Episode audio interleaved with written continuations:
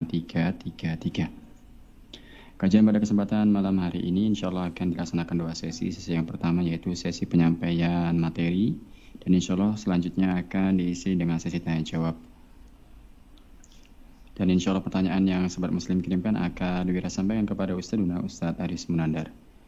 Baik, Alhamdulillah kita telah terhubung bersama Ustaduna Ustadz Aris Munandar. Untuk itu marilah kita bersama-sama menyimak apa yang akan disampaikan oleh beliau lifadilati ustaduna Ustadz Aris Munandar fa'alaihi falatafadhal maskura. Alhamdulillah wassalatu wassalam ala Rasulillah wa ala alihi wa sahbihi wa mentabi'ahum bi ihsanin ila yaumidin amma ba'd. Kaum muslimin dan muslimah pendengar setia radio Muslim Yogyakarta di mana pun anda berada rahimani wa rahimakumullah. Ya, materi pengantar dalam kesempatan malam hari ini adalah an-nusuz. Uh, nusus dalam bahasa Arab artinya al-irtifa tinggi. Sedangkan secara syariat nusus istri itu artinya kedurhakaan istri terhadap suaminya dalam perkara yang istri itu wajib taat kepada suami dalam perkara yang semestinya istri itu taat kepada suami. Ya, maka uh, di di sini saya uh, Abdurrahman ibn, ibn Nasir As-Sa'di rahimallahu taala di kitabnya Manhajus Salikin uh, membahas uh, menyinggung sedikit tentang kasus nusus Beliau katakan disampaikan di matan manhajus salikin wa in khafa nusuza imra, im, nusuzam ra'atihi jika seorang suami itu mengkhawatirkan nusus dilakukan oleh istrinya wa dhaharat min qara'inu maksiatihi dan nampak dari istri ya, indikator dan gejala kemaksiatan istri, kemaksiatan dan kedurakan kepada suami, maka tugas suami adalah menasehati istri.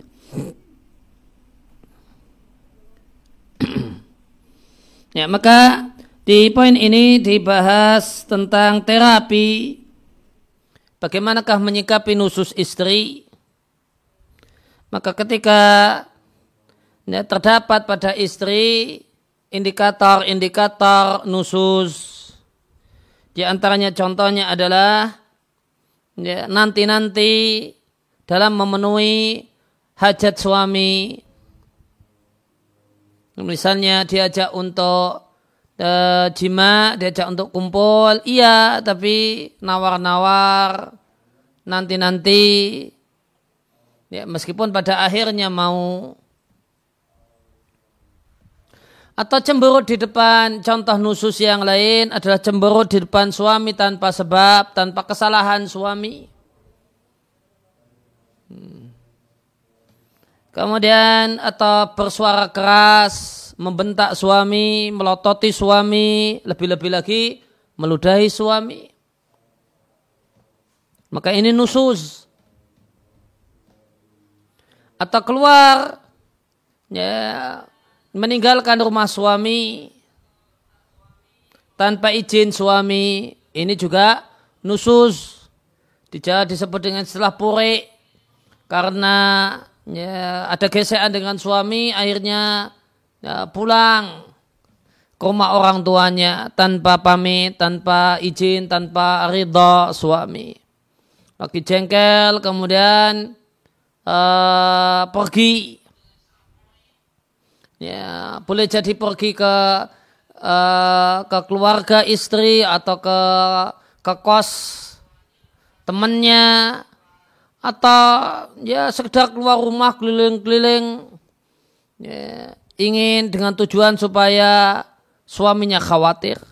Maka ini semua secara hukum disebut ya, dan tergolong tindakan nusus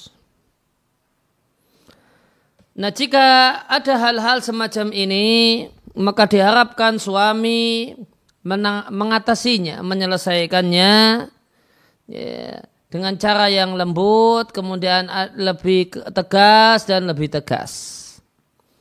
Dan upayakan untuk bisa diselesaikan di dalam rumah tanpa melibatkan pihak ketiga. Ya. Maka suami istri belajar dewasa, belajar uh, menghadapi masalah dan tidak lari dari masalah dan tidak menambah masalah dengan menceritakan problem dan masalah kepada pihak ketiga. Nih. Belajar untuk memanage masalah. Nih. Dan, dan gimana hak masalah ini tuntas ya, di tangan mereka berdua. Maka secara ya, hukum fikih langkah pertama yang dilakukan adalah ya, menasihati istri, menakut-nakutinya dengan Allah Subhanahu wa taala mengingatkan besarnya hak suami dan besarnya dosa dikarenakan tindakan mengurangi hak suami tanpa alasan, tanpa kesalahan si suami. Atau kemudian tindakan yang berlebihan over tersebut ya tidak setara dengan uh, dengan perbuatan tidak nyaman yang dilakukan oleh si suami. Dan inilah di antara hikmah ya, di antara hikmah kenapa diperintahkan untuk memilih calon pasangan, calon suami atau istri yang baik kualitas agamanya. Ya ini manfaat besar dari orang yang berkualitas agamanya adalah ketika terjadi cekcok. Ketika terjadi problem, ketika terjadi gesekan. Maka orang yang agamanya berkualitas, ya, merespon problem, merespon masalah beda dengan yang agamanya ya, tidak berkualitas. Ya. Di antaranya adalah dalam masalah ini, ketika istri itu melakukan kesalahan, Ya, maka kalau istri itu orang yang baik kualitas agamanya, cukup di, diingatkan dengan ayat, cukup diingatkan dengan hadis. Jika dia adalah uh, di sini akan terlihat dia adalah orang yang bertakwa ataukah tidak. Karena orang yang bertakwa meskipun dia emosi, meskipun dia marah, ketika yang disebut adalah ayat nama Allah, hadis Nabi, maka minimal diam. Lain halnya dengan orang yang tidak punya takwa. Maka ketika diingatkan dengan ittaqillah, takutlah kepada Allah. Allah memerintahkan demikian, Nabi melarang demikian. Maka dia akan merespon, jangan bawa-bawa nama agama dalam masalah ini. Jangan bawa uh, Allah, Rasulnya dalam masalah ini. Ya, atau kemudian lebih nekat lagi, lebih parah lagi. Ya, Ya, diingatkan ayat Quran dan hadis Nabi, ya, sakarepku. Ya, meskipun ayatnya bilang demikian, hadisnya demikian, pokoknya sakarepku. Ya, pokoknya semauku. Ini respon orang yang tidak punya rasa takut kepada Allah Subhanahu wa taala. Demikian juga ketika suami salah.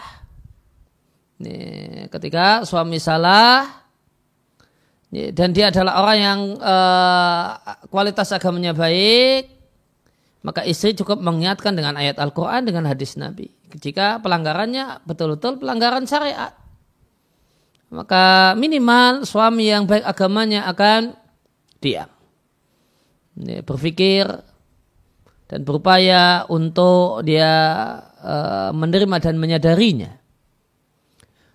Lain hanya kalau laki-laki ini tidak punya takwa kepada Allah Subhanahu wa taala.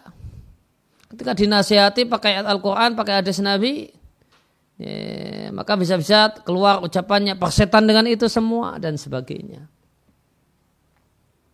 Maka orang itu ini, terlihat di antara indikator penting yang menunjukkan seorang itu bertakwa ataukah tidak, mutadayin berkualitas agamanya ataukah tidak, adalah nasihat berupa firman Allah dan hadis Nabi ketika dia dalam kondisi emosi.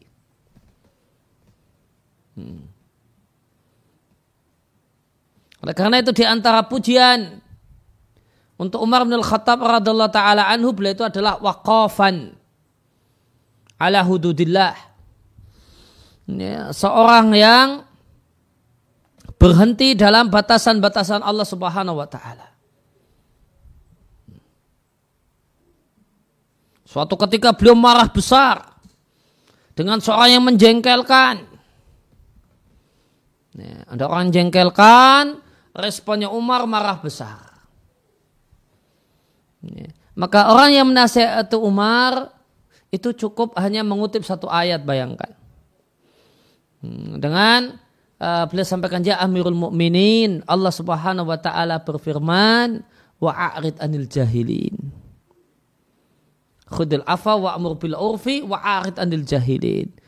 Cuek masa bodoh berpalinglah dari orang-orang yang jahil, orang yang suka mengganggu. Begitu mendengar ayat langsung berhenti.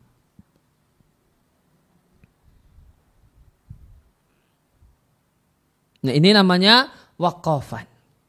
Namanya orang yang berhenti dalam batasan-batasan Allah Subhanahu wa taala dan ini ciri orang yang bertakwa. Dan ini adalah ciri orang yang mutadayin, orang yang baik agamanya. Demikian juga ketika peristiwa Nabi Shallallahu Alaihi Wasallam wafat, Umar marah. Siapa yang bilang Muhammad Shallallahu Alaihi Wasallam meninggal dunia akan kutebas lehernya. Dan amarah Umar yang meledak-ledak ini, ini berhenti cukup dengan Abu Bakar membacakan ayat. Hmm. afa imma ta'u kutila ingkola betum ala aqabikum. Apakah jika Muhammad itu mati atau terbunuh, kalian berpaling ke belakang. Cukup dengan mendengar ayat ini, maka hilang amarah Umar seketika, bayangkan.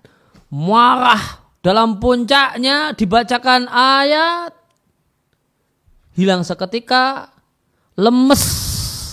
Dia menyadari kalau salah, betul bahasa Nabi meninggal dunia, Akhirnya semula gagah berdiri, kemudian akhirnya bertekuk lutut. Ya, dengkulnya, lututnya itu terasa lemes dan bertekuk lutut. Ini namanya ya, wakafan. Ya, ala, hudi, ala, ala hududillahi. Dan ini alasan penting kenapa pilih mutadayin.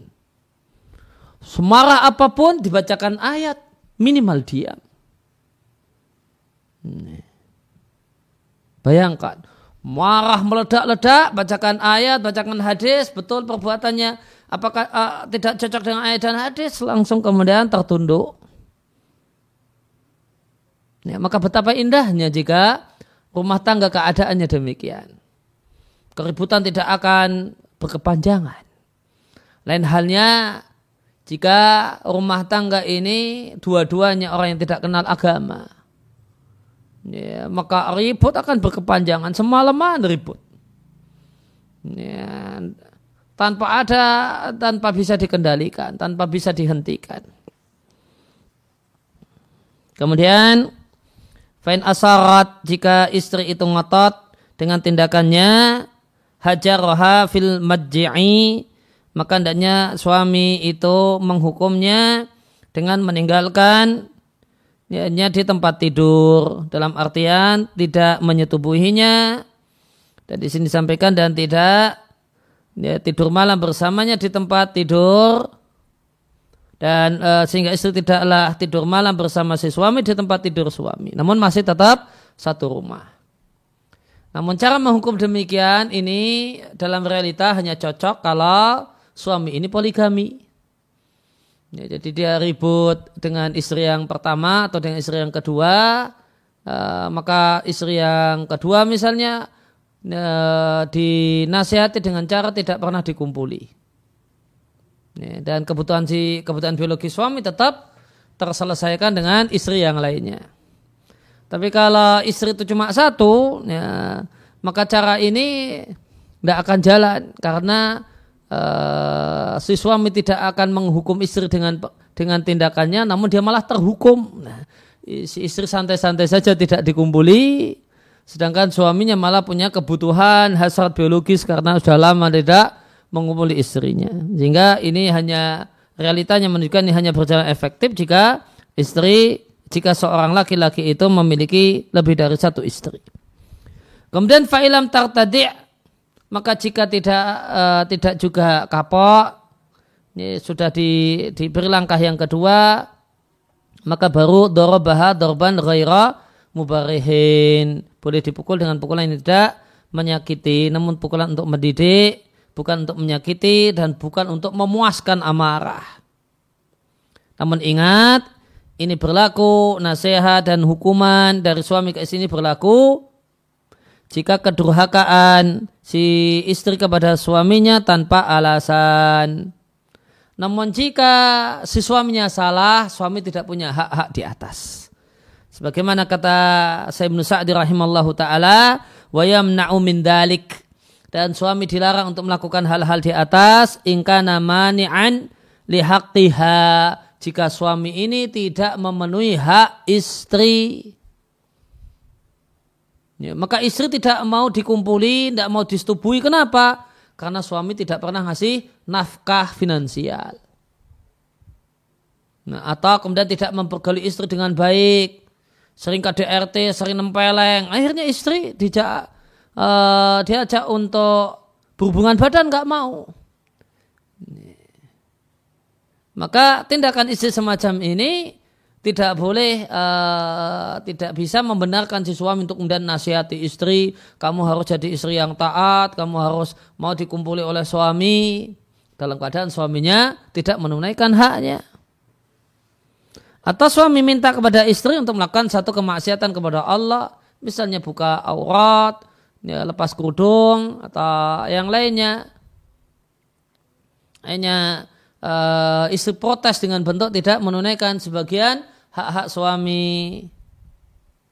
Nah, maka ini satu hal yang tidak uh, protes suami istri dengan hal-hal semacam ini tidak terlarang berdasarkan penjelasan uh, yang bisa kita tangkap dari penjelasan Sayyidina Sa'di di sini. Kemudian selanjutnya kita tuntaskan dan jika dikhawatirkan uh, perselisihan uh, semakin parah di antara keduanya, artinya cekcok itu semakin berkepanjangan maka ya, Ba'asa al-hakimu hakaman min ahlihi. Maka kalau di sini idealnya maka penguasa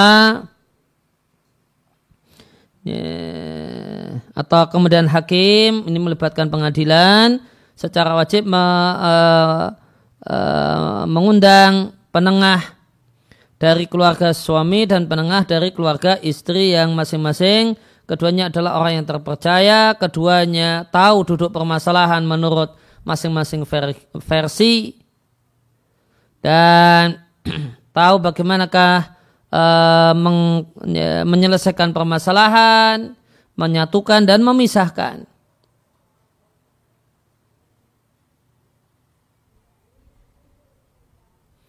Kemudian keduanya akan menyatukan in ra'aya jika keduanya dua penengah ini berpandangan yang terbaik adalah menyatukan kembali keduanya baik dengan kompensasi finansial dalam salah satu pihak atau tanpa kompensasi finansial namun sekedar perjanjian untuk pergaulan yang baik di masa depan atau keduanya memisahkan suami istri ini boleh jadi pisah itu pisah dengan kompensasi finansial yang diberikan oleh pihak istri kepada suami atau yang lain.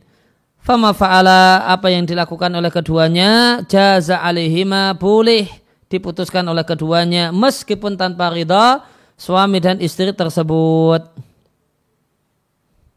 Maka hukum itu ditetapkan dengan berdasarkan uh, kesepakatan dua penengah ini meskipun tanpa ridha uh, pihak yang terkait dalam hal ini suami dan istri. Demikian ketentuannya sebagaimana di surat An-Nisa ayat yang ke-35. Demikian uh, materi pengantar kita dalam kesempatan uh, malam hari ini.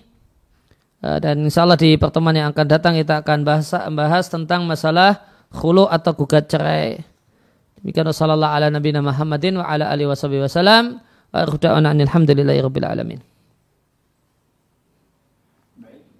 Sobat Muslim, para pendengar setia radio Muslim di mana pun Sobat Muslim berada Alhamdulillah kita telah bersama-sama menyimak pembahasan atau materi yang telah disampaikan oleh Ustazuna Ustaz Aris Munandar Ta'ala. Kami ucapkan jazakumullah khairan atas penyampaian materinya dan selanjutnya kita akan masuk ke sesi selanjutnya yaitu sesi tanya jawab Kembali Wira himbau dan Wira informasikan bagi sobat muslim yang ingin mengirimkan pertanyaan atau ingin bertanya pada kesempatan malam hari ini, sobat muslim bisa mengirimkan pertanyaannya melalui SMS atau WhatsApp ke nomor 0823 2727 5333. Baik, kita akan mulai uh, untuk membacakan pertanyaan yang pertama yang telah masuk ke redaksi Radio Muslim Yogyakarta. Baik, bismillahirrahmanirrahim. Assalamualaikum warahmatullahi wabarakatuh. Waalaikumsalam warahmatullahi wabarakatuh. Semoga Allah Subhanahu wa taala senantiasa melindungi Ustadz di mana pun Ustadz berada. Amin. Baik, izin bertanya Ustadz. Afan Ustadz, adakah nusus bagi suami Ustadz? Apakah hanya untuk istri sahaja? Mohon penjelasannya Ustadz. Ya, uh, suami juga bisa melakukan nusus. Intinya nusus suami bentuknya adalah dengan suami tidak uh, menunaikan kewajibannya yang menjadi hak istri. Cuma karena uh, posisi suami itu adalah uh, kepala rumah tangga, ya, jadi uh, pimpinan, maka tentu menyikapinya berbeda. Menyikapi istri hanya yang mampu dilakukan istri adalah e, memberikan nasihat, saran atau ya, komunikasi dengan suami ya, atau bahkan kemudian melakukan islah damai dengan suami dengan poin-poin klausul klausul-klausul perjanjian damai di antara keduanya. Ya, kemudian jika tidak ada titik temu uh, dan bisa jadi uh, tidak ada titik temu kemudian apa yang dilakukan oleh suami adalah uh, kejelekan dan keburukan yang menyebabkan istri itu bisa gugat cerai maka nanti bisa jadi alasan untuk khulu atau gugat cerai yang akan kita bahas uh, fikihnya dan ketentuannya di pertemuan yang akan datang. Nah. Baik, syukur Ustaz atas penjelasannya. Kita akan melanjutkan ke pertanyaan selanjutnya. Bismillahirrahmanirrahim. Afwan izin bertanya Ustadz. Apakah boleh seorang suami itu memukul istri yang nusus? adakah atau bagaimanakah aturannya Ustadz? Karena takut menyalahi aturan atau tidak sesuai dengan syariat. Mohon penjelasannya Ustadz. Ya, aturan tentang masalah uh, melakukan tindakan fisik kepada istri kalau tadi berdasarkan yang kita baca di Manhajus Salikin, maka aturannya ini adalah tahapan terakhir setelah nasihat dan boykot hubungan biologis, tidak mempan. Ya, ini setelah terakhir, kemudian yang kedua tadi disampaikan pukulan tersebut bukanlah pukulan yang menyakitkan karena pukulannya itu tujuannya untuk mendidik sehingga bahasa praktisnya ya kurang lebih uh, ya dicubit pantatnya atau semacam itu. Ya tidak boleh sampai uh, bikin biru-biru di kulit atau kemudian sampai patah tulang atau yang lainnya tidak boleh. Ya, kemudian syarat yang lainnya sebagaimana Nabi jelaskan di hadis yang lain yang namanya semua hukuman fisik itu tidak boleh di pada kepala wajah, demikian juga daerah-daerah sensitif yang lainnya yang nanti uh, akan menimbulkan uh, apa, bahaya yang yang besar. Yeah. Yeah. Kemudian dalam hal ini tentu uh, karena ini ada tujuannya untuk mendidik ya ada kesalahan yang dilakukan oleh istri. Tidak boleh ada tindakan fisik tanpa ada kesalahan yang dilakukan oleh istri. Itu di antara ketentuan uh, syariat dalam masalah ini. Nah. Baik, uh, syukran Ustadz atas penjelasannya. Kita akan lanjut ke pertanyaan selanjutnya. Bismillahirrahmanirrahim. Assalamualaikum warahmatullahi wabarakatuh. Waalaikumsalam warahmatullahi wabarakatuh. Semoga Allah senantiasa memberi perlindungan kepada Ustadz, keluarga, dan seluruh kaum muslimin. Amin. Ustadz, Afwan izin bertanya, apa saja indikator seorang wanita itu dikatakan sudah terkena wajib untuk menikah? Jazakumullahu khairan. Mohon penjelasannya Ustadz. Ketika dia khawatir, uh, khawatir melakukan hal yang haram dalam rangka menyalurkan sahwat biologisnya. Ya belak-belakannya kemudian e, melakukan masturbasi atau onani dalam rangka menyalurkan sahwat biologisnya. Ya, maka ini menunjukkan kalau sudah wajib nikah. Nah. Baik, syukur Ustaz jazakallahu khairan atas penjelasannya. Pertanyaan selanjutnya. Bismillahirrahmanirrahim. Afan Ustaz, ana izin bertanya. Ana seorang akhwat. Ana memiliki target menikah di usia muda, namun di sisi lain orang tua sangat menginginkan Ana untuk kuliah dan tidak menikah dulu sampai lulus kuliah kemudian bekerja. Sedangkan saat ini sudah ada seseorang yang mengajukan diri ke Ana. Bagi Ana yang sudah mengenal sunnah dan menuntut ilmu syari itu rasanya terlalu lama Ustadz. Apa yang harus Ana lakukan? Mohon nasihatnya Ustadz. Ya, minta uh, yang pertama minta laki-laki itu untuk menemui orang tua, menyampaikan maksudnya dan menyampaikan alasan kesiapannya. Di antara yang patut untuk di untuk kemudian me, mengkompromikan yang ada, uh, si laki-laki ini semas, uh, semestinya bilang kepada wali uh, kepada orang tua akhwat ini menyampaikan bahasanya saya ingin menikah dengan putri bapak nanti uh, saya tetap izinkan istri saya dan bahkan saya haruskan untuk uh, untuk tetap lanjut kuliah. Dan dan insya Allah saya pun akan uh, ya, dengan sebatas dengan sebatas kemampuan yang saya akan miliki uh, saya akan uh, membantu ekonomi uh, keluarga istri sebatas saya yang saya mampu. Karena uh, ini untuk mengakomodir keinginan orang tua agar si perempuan ini si muslimah ini uh, kuliah kemudian bekerja yang tentu uh, bekerja di sini bisa kita tangkap tujuannya adalah untuk membantu ekonomi keluarga.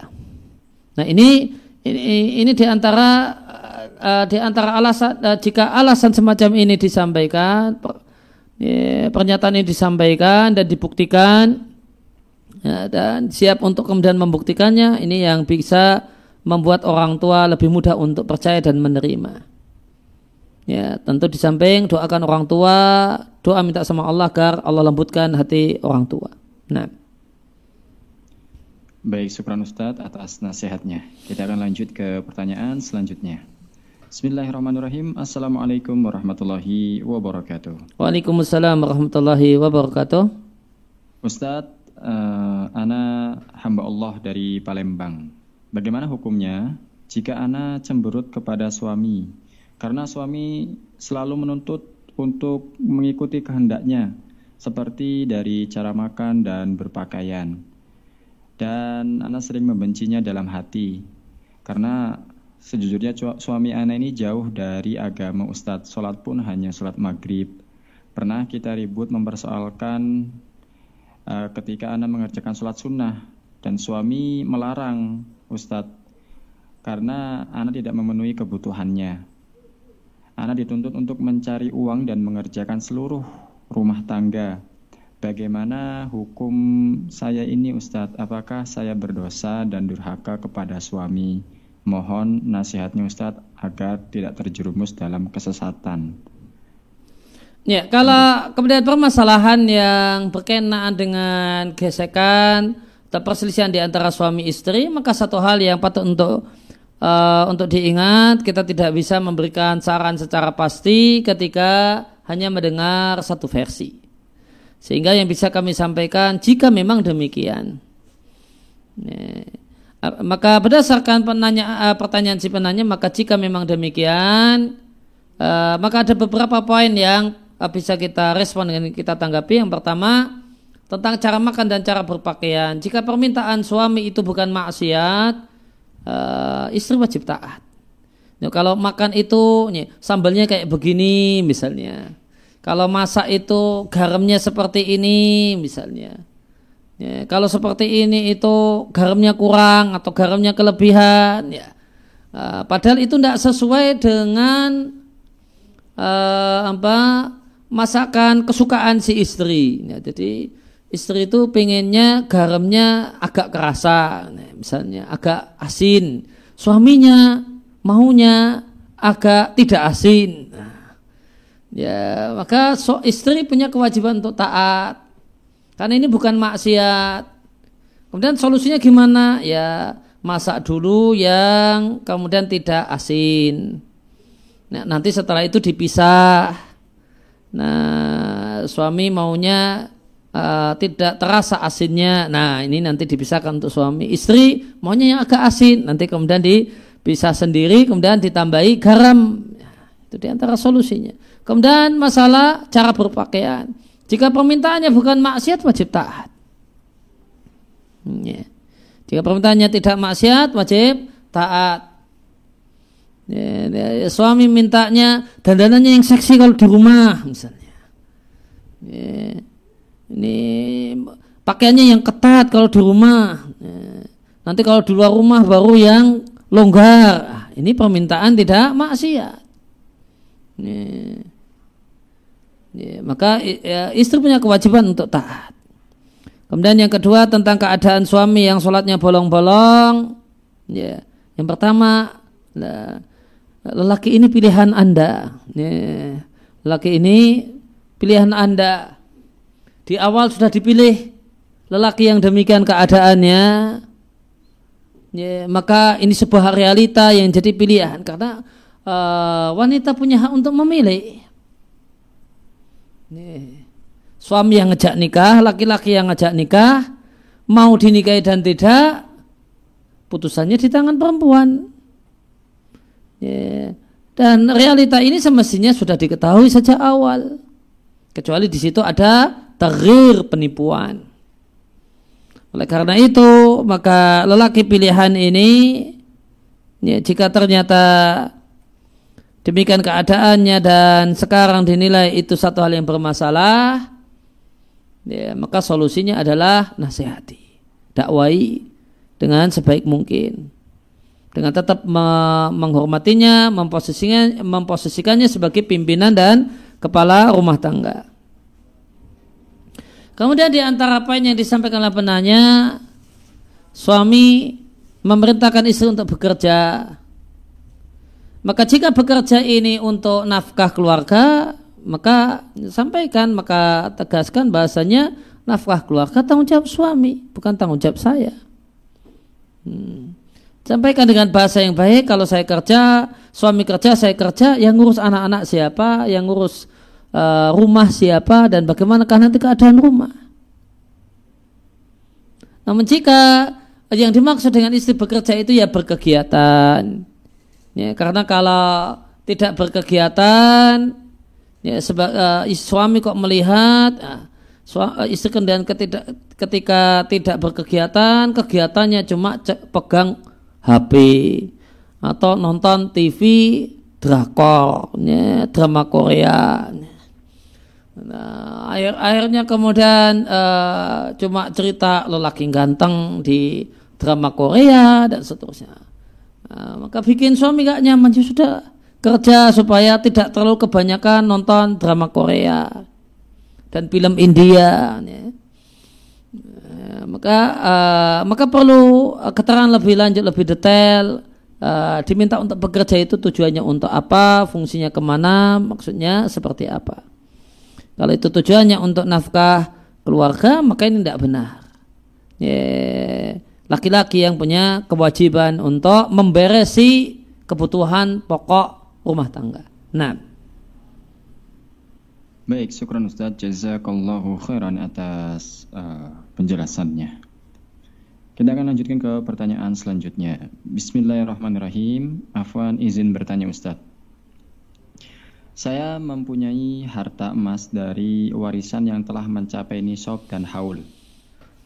Apakah boleh zakat mal tersebut diberikan kepada suami saya yang belum bisa memberikan nafkah kepada keluarga selama kurang lebih hampir dua tahun. Beliau sudah hampir tiga tahun resign dari bank. Qadarullah belum mendapatkan gantinya. Usaha pun belum membawa hasil. Hampir dua tahun terakhir, saya yang memenuhi kebutuhan hidup termasuk biaya pendidikan anak-anak dari hasil warisan tersebut. Dan apakah boleh jika dari zakat mal tersebut suami memberikan kembali kepada saya dan keluarga? Jazakallahu khairan. Mohon penjelasannya Ustaz. Ya, ya uh, yang pertama kita berdoa kepada Allah Subhanahu wa taala bi asmaul husna wa sifatihil ulya agar Allah Subhanahu wa taala memudahkan urusan suami penanya, demikian juga urusan kita dan urusan seluruh kaum muslimin. Amin. Kemudian yang kedua, tentang bolehkah zakat istri diberikan kepada suami? Jawabannya boleh. Dan dari zakat yang diberikan kepada suami kemudian nanti balik lagi diberikan suami untuk sebagai nafkah untuk istri dan anaknya apakah boleh? Jawabannya boleh. Dan ini dan ini pernah terjadi di masa Nabi Shallallahu Alaihi Wasallam. Ya, sahabat Nabi yang terkenal ya, dan tergolong ulama di kalangan para sahabat Abdullah bin Mas'ud itu laki miskin. Uh, istrinya namanya Fatimah dan dia wanita yang kaya. Ya, dan dia punya kewajiban untuk uh, mengeluarkan zakat. Ya, dari uh, ya, dari hartanya. Kemudian dia semula Fatimah istrinya Ibnu Mas'ud ini ingin mendistribusikan zakat kepada orang lain. Maka Ibnu Mas'ud mengatakan suamimu lebih berhak untuk mendapatkannya karena suamimu juga miskin. Akhirnya uh, Fatimah namun di awalnya dia tidak yakin dengan perkataan suaminya maka dia tanyakan pada Nabi Shallallahu Alaihi Wasallam dan Nabi membenarkan perkataan Ibnu Mas'ud. Nah. Baik, syukuran Ustadz atas penjelasannya. Kita akan lanjut ke pertanyaan selanjutnya. Bismillahirrahmanirrahim.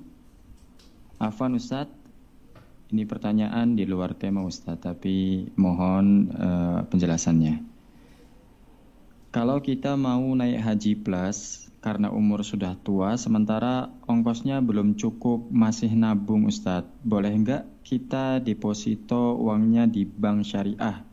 Dan kalau ada bunganya ke mana harus kita salurkan Ustaz Jazakallahu khairan. Mohon nasihatnya Ustaz Ya boleh uh, ditabung di bank yang dimaksudkan. Sedangkan uh, bunganya uh, disingkirkan disalurkan untuk kegiatan sosial Terutama hal-hal yang bernilai kotor Mungkin untuk uh, apa, perbaikan gorong-gorong Saluran air Jembatan kemudian konblok jalan desa ya, atau kemudian perbaikan uh, WC umum dan mudah-mudahan termasuk hal ini adalah WC-WC di pesantren terutama pesantren yang sosial artinya uh, biayanya bukan pesantren ini bukanlah pesantren yang berbiaya mahal maka bisa disalurkan untuk uh, untuk hal-hal semacam ini. Nah.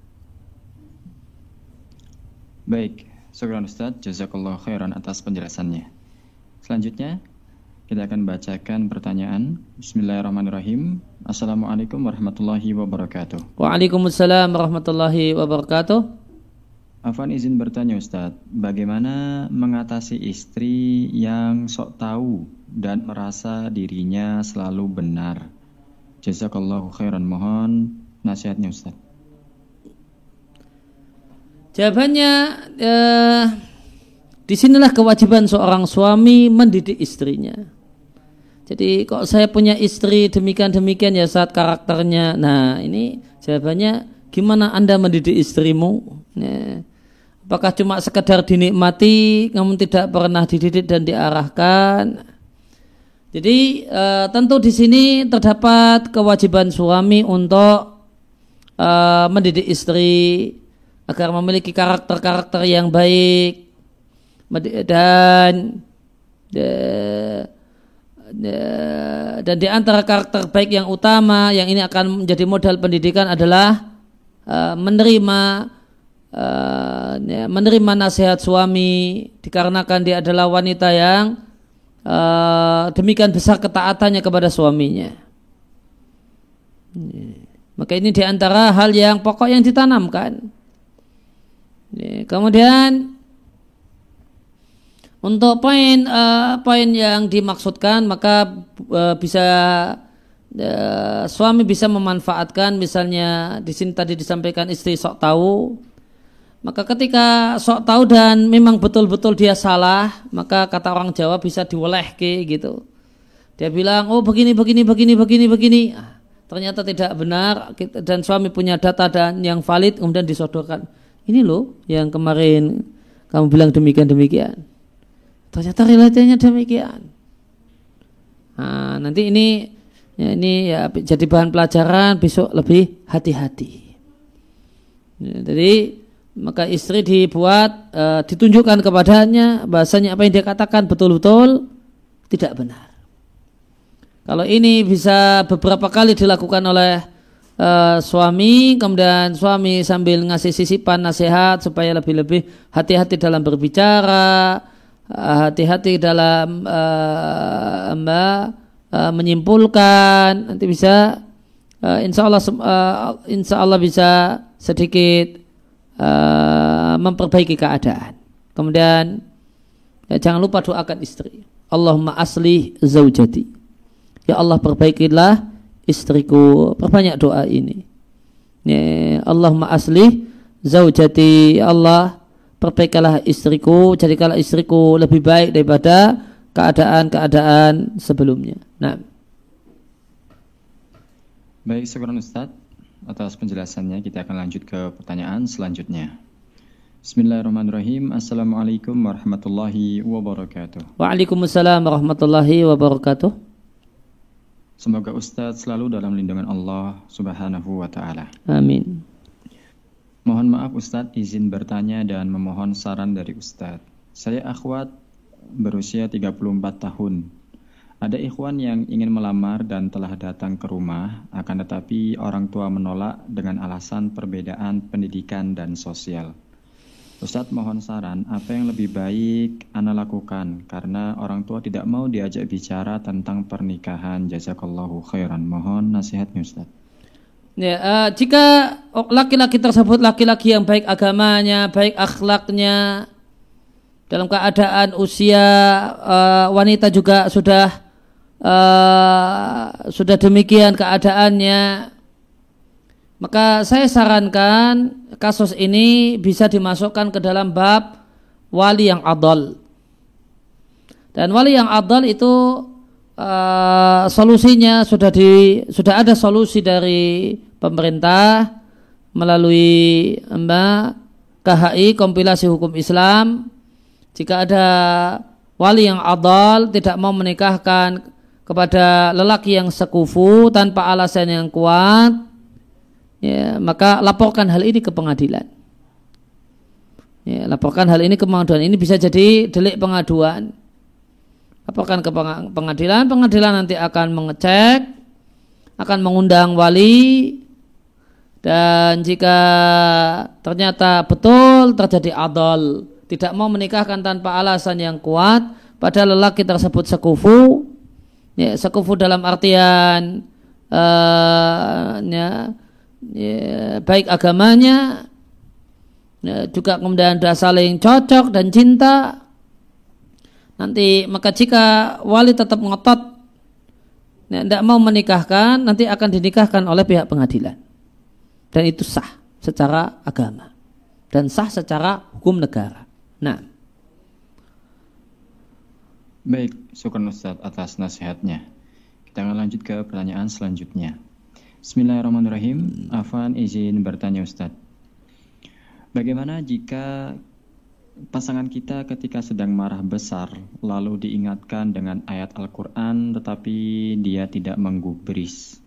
Apakah layak berpisah dengan pasangan yang seperti ini Ustadz? Mohon penjelasannya. Ya tentu menyimpulkan layak untuk berpisah ataukah tidak itu perlu kajian yang lebih mendalam. Yang jelas maka ini menunjukkan uh, kualitas tadayun.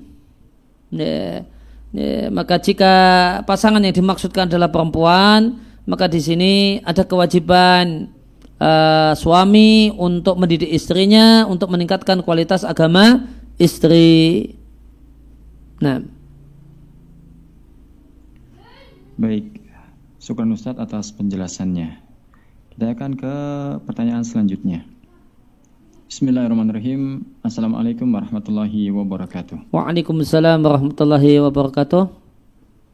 Semoga Allah memberkahi Ustadz. Izin bertanya Amin. Ustadz. Jika seorang suami makan lalu ada sampah makanan atau sisa makanan, apakah membuang sampah ini ke tempat sampah merupakan kewajiban istri Ustadz? Kemudian jika suami memandikan anak, Lalu ternyata si anak ini buang air kecil di kasur atau di lantai karena suami kurang cepat memakaikan pampers. Membersihkan najis ini apakah kewajiban istri juga Ustadz? Dikarenakan tidak ada pembantu di rumah kami, sementara suami sudah terbiasa dibantu oleh pembantu. Saya terkadang merasa suami memperlakukan saya seperti pembantu Ustadz. Mohon nasihatnya Ustadz. Yang pertama, ketika suami uh, mau kemudian memandikan anak, ini satu hal yang patut disyukuri dan diberi apresiasi. Ya, banyak suami yang tidak mau loh. Ya. Maka punya suami yang mau itu patut diapresiasi. Ya. Sehingga kemudian kemudian uh, ya, jalan komunikasi dengan baik suami mau bantu ini berarti ya, bisa diajak komunikasi. Komunikasi, ya, misalnya tadi uh, ternyata suami minta kerjasama, dia sudah uh, apa? Dia memandikan, dia mau ngasih pampers, gitu kan? Berarti dia memandikan dan ngasih pakaian. Ya, kemudian dia minta kerjasama si istri agar kalau ada najis, kencing, misalnya istri yang kemudian membereskan. Nah, ini sebenarnya kalau dibicarakan baik-baik, ini kerjasama yang bagus. Gitu. Uh, jadi intinya komunikasi. Dan suami penanya ya, cukup kooperatif, perhatian dengan istri, peduli dengan istri. Ya, banyak suami yang ya, pokoknya saya tunggu anak selesai mandi, selesai pakaian, nanti saya ajak main. Nah, Cuma mau ngajak main kalau sudah cakep, sudah ganteng, ya, kayak bapaknya. Nah, nanti mau dijak main, dijak jalan-jalan. Urusan sebelumnya serahkan pada istri. Banyak demikian. Ya, maka dia kooperatif, dia perhatian dengan kesibukan istri, satu hal yang patut untuk diapresiasi. Jangan nihilkan kebaikan suami semacam ini. Ya, kemudian berkenaan dengan masalah uh, sampah hasil makanan. Nah, maka ya ini uh, sebenarnya hal yang remeh gitu. Nggak, ketika dibicarakan uh, malah jadi hal yang besar gitu. Tapi kalau uh, ya, di sini kemudian ya, misalnya suami makan kemudian sampah plastik atau makanan ditinggal, nanti habis itu istri ada jadwal nyapu beres-beres lantai Ya, jadikan ini bagian dari kegiatan beres-beres. Jika diniatkan ikhlas karena Allah Subhanahu wa taala beres-beres rumah, teras, halaman rumah, itu amal soleh yang berpahala di sisi Allah Subhanahu wa taala. Ya. Men, ya, jadi tadi sampah plastik tadi ada di lantai di ini uh, yang itu lantai itu tempat lalu lalang maka menyebabkan gangguan di jalan umum itu berpahala. Apalagi gangguan di jalan di dalam rumah yang di situ yang lewat adalah orang-orang yang kita cintai, maka lebih besar lagi pahalanya, ganjarannya. Ingat pahalanya, ingat ganjarannya. Jangan hanya diingat oh ini tambah menambah beban saya, beban pekerjaan saya. Namun ingat pahalanya, ganjarannya. Kerjakan ikhlas karena Allah Subhanahu wa taala sangat besar ganjaran dan pahalanya. Nah, Baik, syukur Ustaz, jazakallahu khairan. Selanjutnya kita akan bacakan pertanyaan dan mungkin ini pertanyaan terakhir kita pada malam hari ini Ustaz. Bismillahirrahmanirrahim. Assalamualaikum warahmatullahi wabarakatuh. Waalaikumsalam warahmatullahi wabarakatuh. Jika tanpa sepengetahuan suaminya, seorang istri meminjam uang pada adik iparnya dan berpesan agar si adik ipar itu merahasiakan hal tersebut dari suami. Maka bagaimana sebaiknya si adik ipar bersikap Ustadz? Mohon penjelasannya. Ya, ketentuan dalam uh, dalam fikih Islam uh, utang istri utang istri, utang suami juga utang suami. Ini ada ipar ini diminta utangan ya kembali kepada dia. Dia diminta utangan, utangannya bersyarat. Jangan, jangan ceritakan pada kakakmu.